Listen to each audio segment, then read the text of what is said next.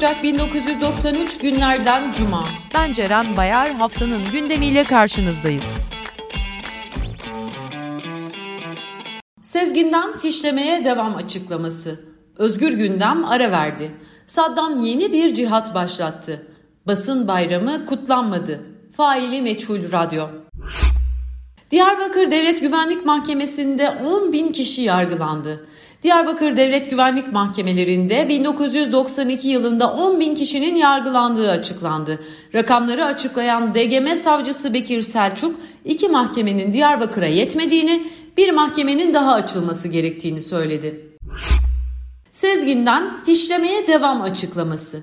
İçişleri Bakanı İsmet Sezgin çeşitli suçlardan dolayı fişlenen 1 milyon 300 bin kişiden adli suçlarla ilgili olan 850 bin kişinin kayıtlarının silindiğini açıkladı.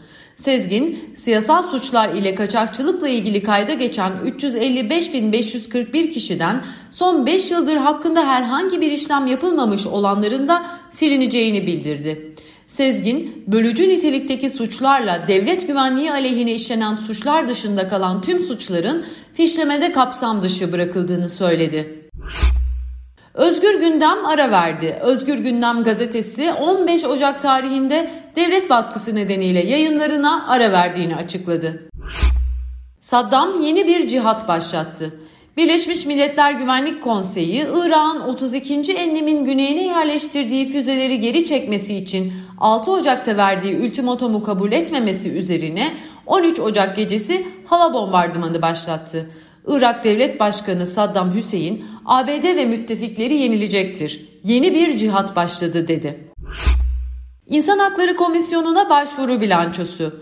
Meclis İnsan Hakları İnceleme Komisyonu Başkanı Sabri Yavuz bir buçuk yıl içinde cezaevleriyle ilgili 128, işkence ile ilgili 108, Güneydoğu'daki olaylarla ilgili 65 ve kayıplarla ilgili sadece 3 başvuru yapıldığını açıkladı. Yavuz, komisyona en çok memur ve emeklilerin başvurduğunu söyledi.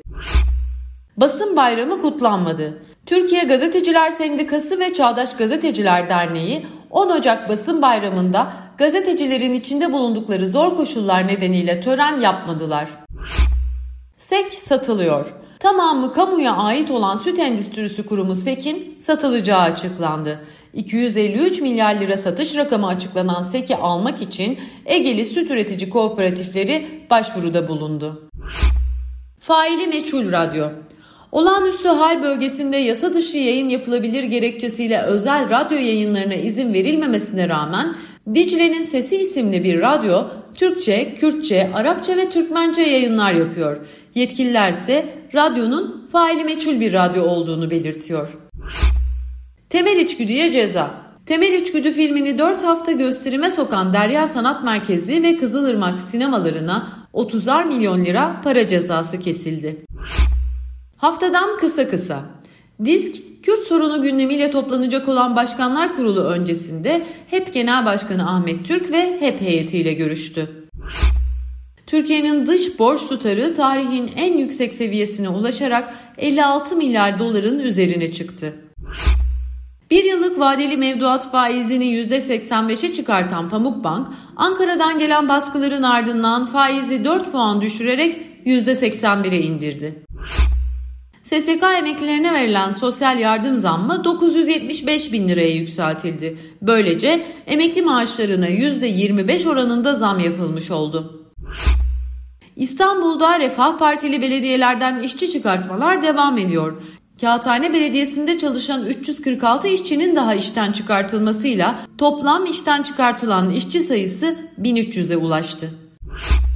Ulaştırma Bakanı Yaşar Topçu, telekomünikasyon teknolojisinin son ürünü olan cep telefonu için iki firmaya lisans verileceğini açıkladı. Restorasyon çalışmaları tamamlanan Harbiye Muhsin Ertuğrul Tiyatrosu açıldı. Bu haftanın da sonuna geldik. Dinlediğiniz haberlerin detaylarına ve daha fazlasına tanıklık.org internet sitemizden ve sosyal medya hesaplarımızdan ulaşabilirsiniz. Önümüzdeki hafta tekrar görüşmek üzere.